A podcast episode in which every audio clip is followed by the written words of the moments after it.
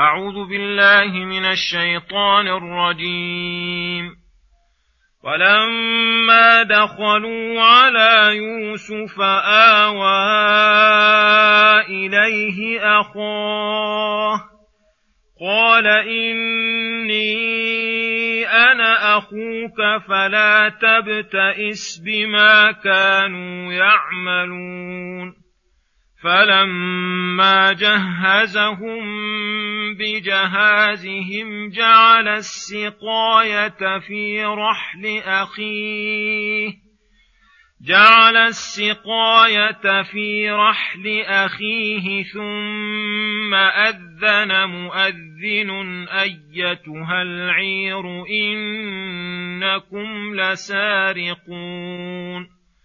قالوا وأقبلوا عليهم ماذا تفقدون قالوا نفقد صواع الملك ولمن جاء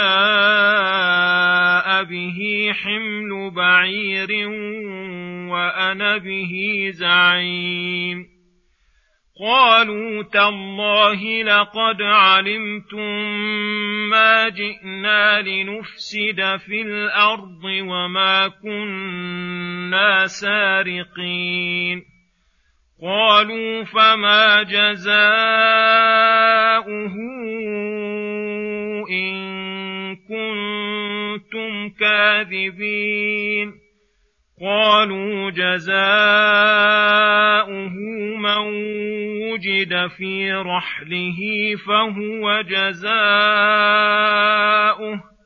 كذلك نجزي الظالمين فبدا باوعيتهم قبل وعاء اخيه ثم استخرجها من وعاء اخيه كذلك كدنا ليوسف ما كان ليأخذ أخاه في دين الملك إلا أن يشاء الله. نرفع درجات من نشاء وفوق كل ذي علم عليم.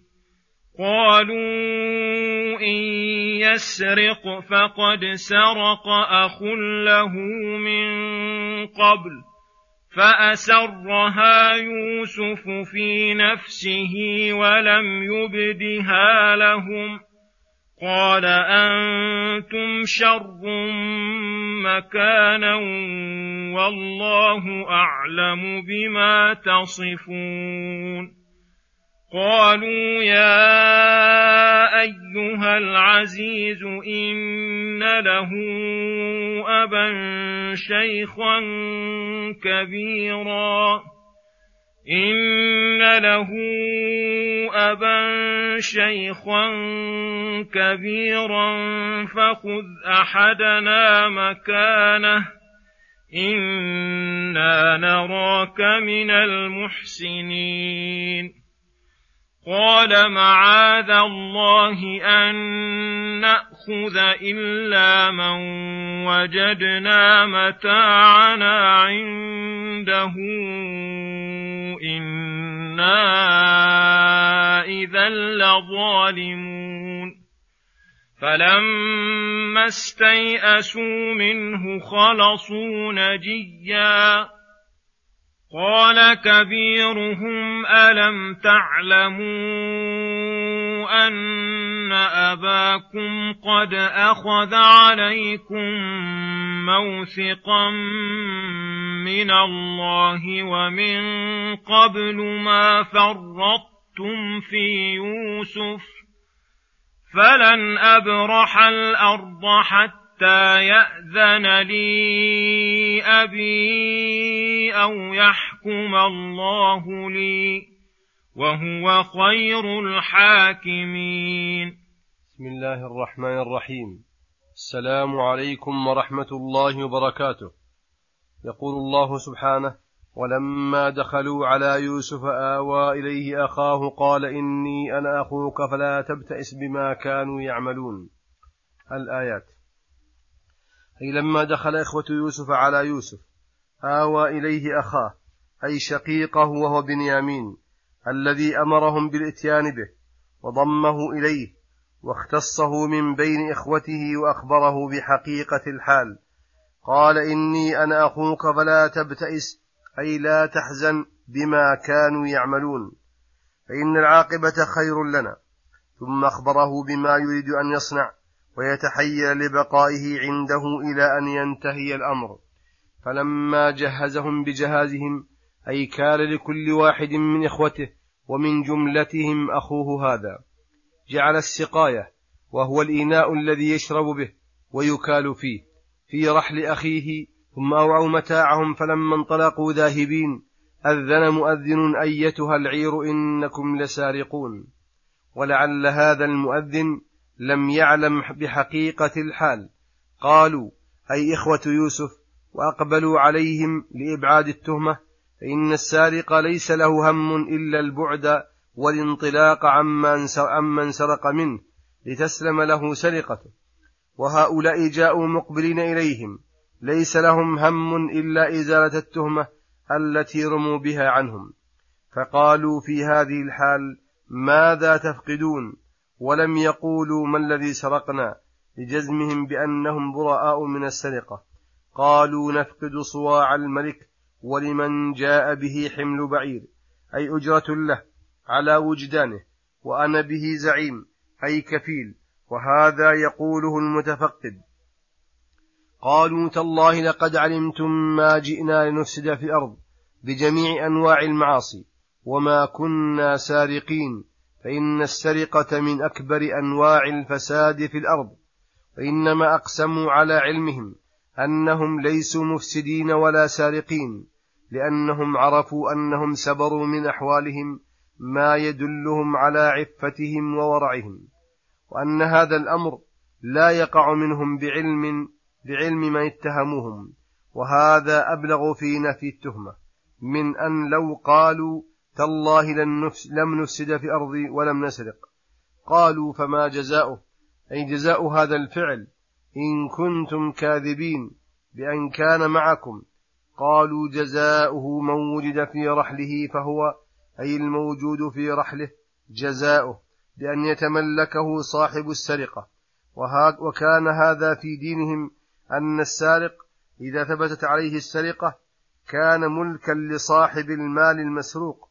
ولهذا قالوا كذلك نجزي الظالمين.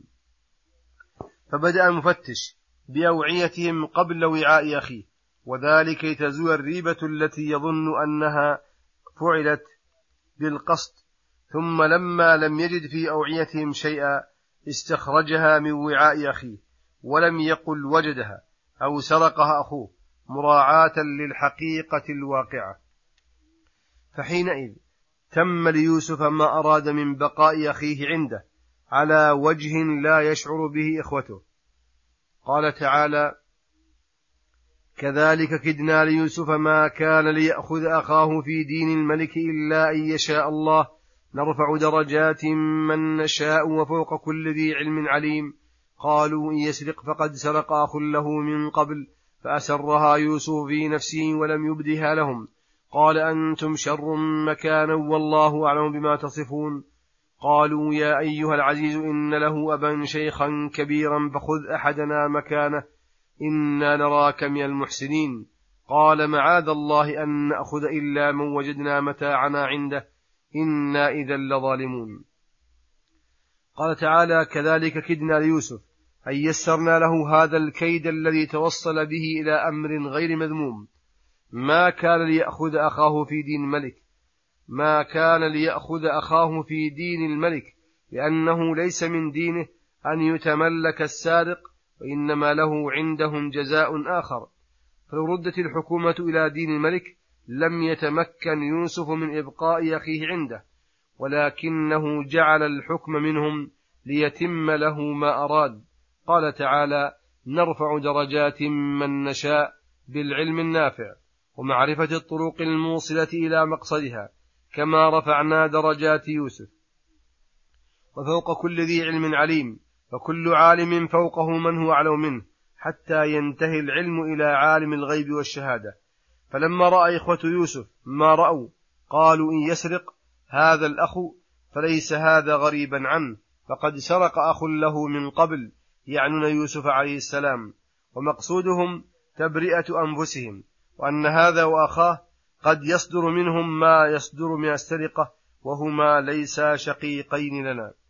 وفي هذا من غض عليهما ما فيه ولهذا أسرها يوسف في نفسه ولم يبدها لهم أي لم يقابلهم على ما قالوه بما يكرهون. بل كظم الغيظ وأسر الأمر في نفسه وقال في نفسه أنتم شر مكانا حيث ذممتمونا بما أنتم على أشر منه. والله أعلم بما تصفون. منا من وصفنا بسرقة يعلم يعلم الله أنا براء منها. ثم سلكوا معه مسلك التملق لعله يسمح لهم بأخيهم. قالوا يا أيها العزيز إن له أبا شيخا كبيرا. أي وإنه لا يصبر عنه وسيشق عليه فراقه. فخذ أحدنا مكانه. إنا نراك من المحسنين. فأحسن إلينا وإلى أبينا بذلك. قال يوسف معاذ الله أن نأخذ إلا من وجدنا متاعنا عنده. أي هذا ظلم منا. لو أخذنا البريء بذنب من وجدنا متاعنا عنده ولم يقل من سرق كل هذا تحرز من الكذب. إنا إذا أي إن أخذنا غير من وجد في رحله لظالمون حيث وضعنا العقوبة في غير موضعها.